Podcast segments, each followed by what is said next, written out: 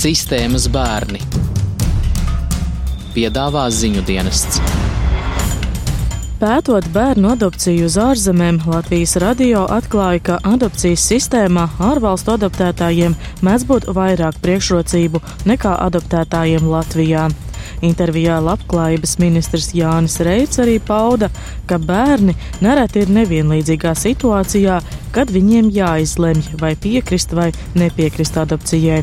Ministrs arī uzskata, ka bāriņtiesas nepilda savu funkciju un neaizstāv bērnu intereses.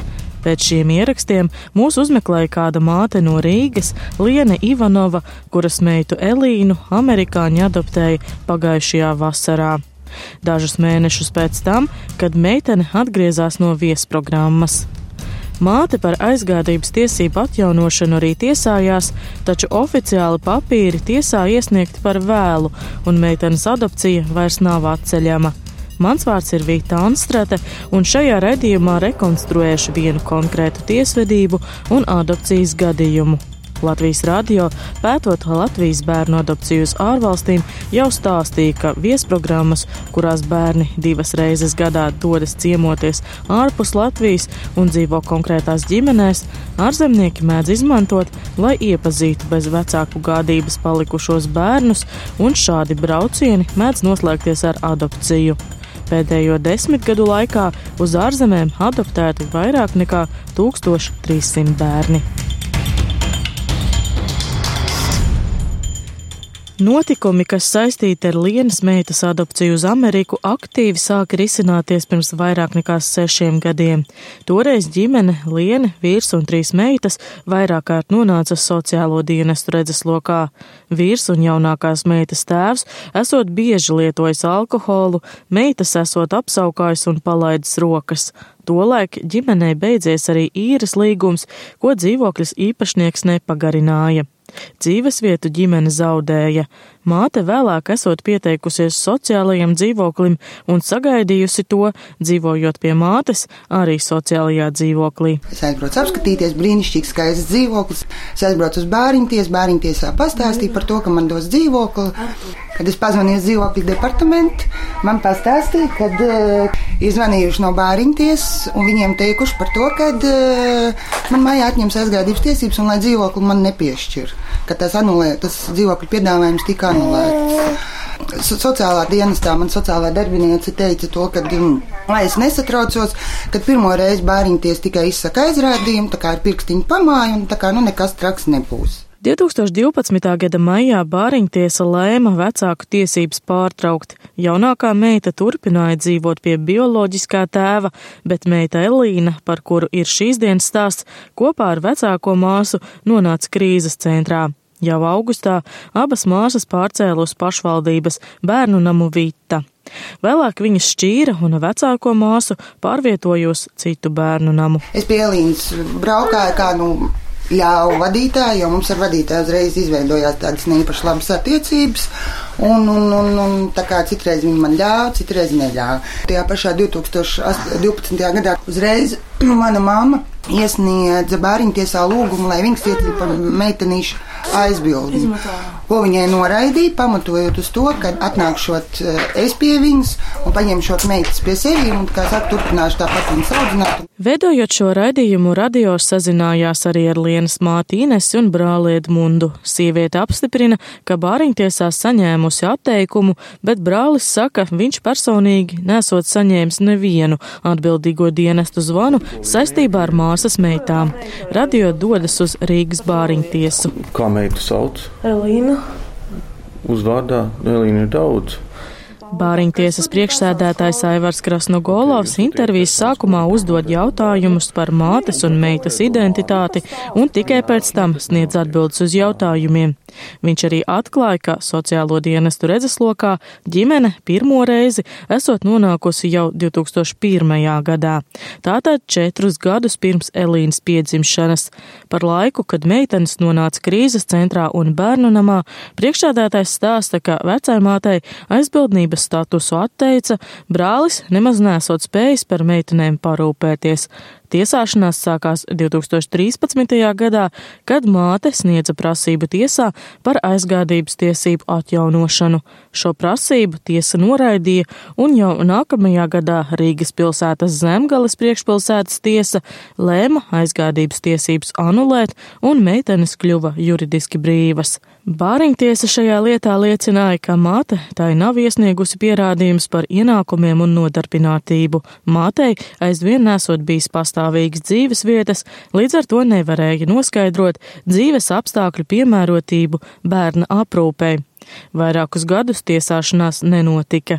Intervijā Bāriņtiesas priekšsēdētājs daudz par tā laika notikumiem nestāsta, jo nedrīkstot. Un māte uh, nespēja rūpēties par bērnu, un bērnu viedoklis bija, ka viņa negrib dzīvot tur, pie mātes. Tiesa ir izvērtējusi divas reizes, pirmā instance un otrā instance, un konstatējusi, ka Bāriņtiesa ir pamatoti pieņēmuši šo lēmumu, un māte nav spējīga rūpēties par bērniem. Kas uh, jūs izskatā par to liecināja? Pilnīgi noteikti tas, ko darīja māte. Piemēram. Nu, es nevaru teikt par mātes. Ja māte vēlas jums šo informāciju sniegt, lūdzu, pajautājiet viņai pārinties lēmumu, ja viņa grib objektīvi šo informāciju. Bet es nedrīkstu teikt par šīs lietas apstākļiem neko. Diemžēl likums man to neļauj. Es labprāt jums viņu iedotu bet es nedrīkstu. Tiesvedības dokumentos lasāms, ka desmit gadu garumā mātei bijuši vairāki administratīvie pārkāpumi, viņa sodīta arī par zādzību, krāpšanu nelielā apmērā. Turpat arī rakstīts, ka abas māsas vēlas atgriezties ģimenē, abas meitenes spējot formulēt savu viedokli, bet izteiktais viedoklis neatbilstot bērnu vislabākajām interesēm. Iespējams, iet runa par to, kad viņas vēl bija mazākas, kad bija pats sākums. Runa iet pēc tam ka bērni vairs negribēja atgriezties pie viņiem. Mūsu pienākums bērnu viedokli noskaidrot, ko mēs arī esam darījuši vairāk kārtīgi šajā lietā. Analizējot Elīnas adopcijas procesu un tā posmus, jāmin, kad vecāku tiesības anulēja gan mātei, gan Elīnas bioloģiskajam tēvam, Bāriņtiesa Elīnai par aizbildni iecēla mazākās māsas tēvu. Viņš vēlāk no Elīnas aprūpas tiesībām pats atteicās, un meitene atgriezās bērnu namā Vita. Tad sāka piedalīties viesprogrammās un brauca ciemoties uz Ameriku. Mātei esot teikusi, ka ciemoties viņai patīk, jo tur saņemot dāvanas. 2000. 15. gadā es sāku pelnīt, braukāt ar savu tagadējo vīru. Un, un mēs kalām plāns par to, kā mēs īrēsim dzīvokli, un kad es sniegšu prasības pieteikumu par aizgādību tiesību atjaunošanu decembra sākumā, Elīnīt, vai decembra vidū kaut kur tas bija. Viņa aizlidoja atkal kārtējo reizi uz Ameriku. 11. Elīna vakarā atlidoja no Amerikas. Viņa uzreiz zvanīja man, manam, manam vīram, viņa uzreiz zvanīja un uh, teica par to, ka, nu, kad, kad viņa ļoti noilgojusies un ļoti vēlās mūs redzēt, un kad mēs pie viņas atbrauksim. Tajā pašā laikā amerikāniete Peidža, kas kopā ar vīru Helīnu vēlāk arī adoptēja, sociālo tīklu lentē 2015. gada nogalē un 2016. gada sākumā aktīvi publiskoja ziņojumus ar aicinājumu ziedot meitas adopcijas izkārtošanas izdevumiem un pat lidmašīnas biļetēm. Naudu saziedoja un tiesa lēma par Elīnas adopciju. Tad atsākās tiesāšanās. Pērn māte atkārtoti vērsās tiesā ar prasību aizgādības tiesības atjaunot, un šogad tiesa viņas prasību daļēji apmierināja. Savu dzīvi māte esot sakārtojusi, tāpēc atguva tiesības gan par vecāko, gan jaunāko meitu, taču ne par Elīnu, kas jau bija devusies uz Ameriku. Pieņemtos spriedumus tiesvedības laikā radio lūdza komentēt visiem tiesnešiem, kas skatījuši konkrēto lietu, taču skaidrot savu lēmumu neviens nepiekrita, jo lieta skatīta slēgtās tiesas sēdēs. Mēs būsim divi tā. Jā, labi, es norādīju.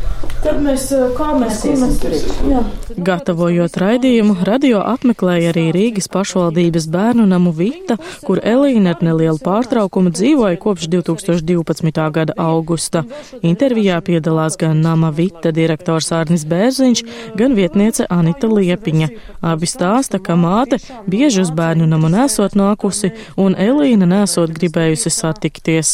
Nu, ņemot vērā, ka meitene jau tomēr bija tādā pienācīgā vecumā, nu, viņai arī tika nopietni uzklausīta vienmēr pat vairākas reizes, un arī viņas viedoklis ņemts vērā. Ja. Bērnam esot Latvijā adopcijā, viņas vēlēšanās bija tikai nesakiet mammai, kur es atrodos.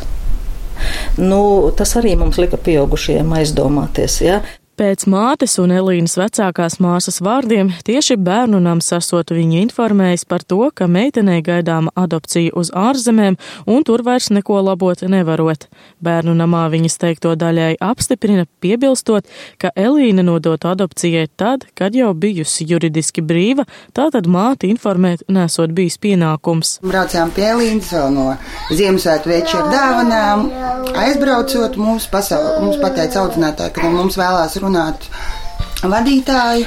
Un pie vadītājas kabinetā bija sieviete. Viņa stādījās priekšā, es te īsti neatceros vienu no ministrijas labklājības. Tas viena no bariņties, viena no, no kaut kurienes. Vai divas bija. Nu, tad piemirsies. Un sāka mums teikt to, ka Elīna nevēlās mūs vairāk nevienu redzēt, ka viņa ir izlēmusi, ka viņa dosies uz Ameriku.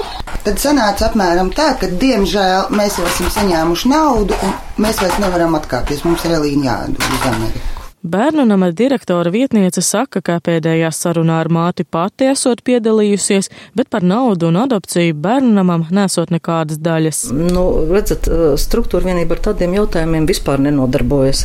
Ne ar samaksāšanām, ne ar, ne ar nodošanām, ne ar ko. Ja? Labklājības ministrija izsniedz nosūtījumu, bāriņtiesa pieņem lēmumu. Ja? Mēs tikai nodrošinam bērna tātad nodošanu šo aprūpētāju aprūpē, pamatojoties uz bāriņtiesas lēmumu.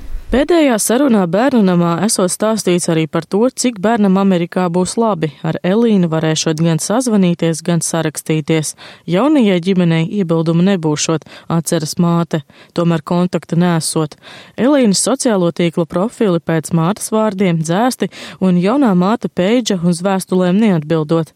Radio pārliecinās, ka sociālajos tīklos Peidža vēstules vēlas saņemt tikai no draugiem, tāpēc mums uzrunāt viņu neizdodas. Jau teicu, ka šīs ģimenes interese par Elīnas adopciju esot sākusies 2015. gadā un 2016. gadā tiesa lēma par Elīnas adopciju. Meitenei mainīja dzīves vietu, juridisko statusu, arī vārdu un uzvārdu. Rīgas bāriņtiesā stāsta, iespējas meitenei palikt Latvijā bijušas izsmeltas, un meitene arī pati vēlējusies doties prom. Pirms adopcijas Elīnas gadījumā tikuši vērtēti pat trīs vai četri aizbildņu kandidāti, uzrunātas arī vairākas auģu ģimenes un lūgta palīdzība arī bērnu tiesību aizsardzības inspekcijai. Bāriņtiesa nemeklē adoptētājus, un šajā gadījumā šai meitenei bija piedāvāti divi adoptētāji no ārvalstīm, un piedāvāja tieši ministrija. Un bāriņtiesa nav tā, kura apstiprina adopciju. Adopcija apstiprina tiesa, kuras uzdevums ir izvērtēt visus apstākļus kopumā. Mēs ar vislielāko prieku būtu atstājuši bērnu šeit, ja bērnu viedoklis tāds būtu. Un vislielāko prieku atdotu tuvākajai auģu ģimenei vai aizbildnim, atstātu pie radiniekiem, ja viņi spētu to izdarīt. Paralēlā tiesvedībā tikai šī gada janvārī, pusgadu pēc meitas aizbraukšanas, tiesa lēma, ka mātei atjaunojams aizgādības tiesības par Elīnas māsām, bet par adoptēto meitu tiesvedība izbeidzama. Vienošanos un adopciju esot kārtojušas divas dažādas organizācijas to nosaukums atklāt nedrīkstot. Plašos komentāros par konkrēto gadījumu Labklājības ministrijas pārstāve Ivita Krastiņa neizplūst. Lai par lietu runātu, esot jālūdz atļauja Elīnas jaunajiem vecākiem.